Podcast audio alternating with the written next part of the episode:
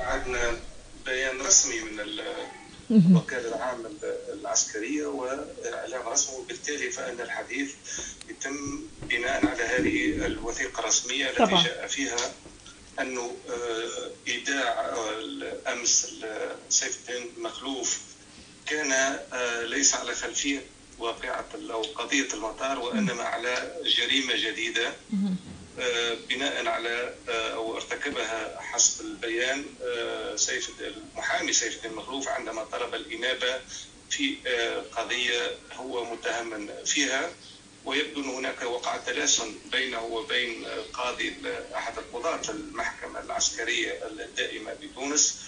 فحرر واعتبر القاضي ان الكلام الذي صدر عن محامي سيف الدين مخلوف هو كلام آه، يمثل آه، جريمة بطبيعة الحال وهي المس من حرمة الجيش والمس من شخصه كقاضي والمس من صفته كقاضي.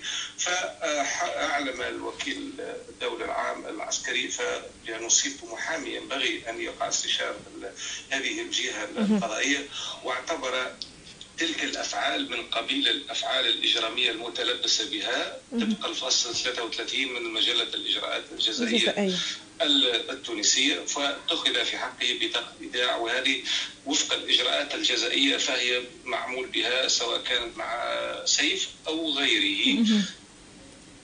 وهو الآن آه، آه، أودع السجن يبقى أنه له حق الدفاع في تكليف محامي وله الحق الطعن كذلك في مثل هذه البطاقات القضائية التي يعلمها يعلم إجراءات الطعن فيها سواء كان هو أو محامي. هذا هو يعني هوني للتوضيح وشنية آه، صارت الملابسة اللي صارت آه، آه، علاش وقع إيداع النائب المجمد سيف الدين مخلوف على إثر ما ما حصل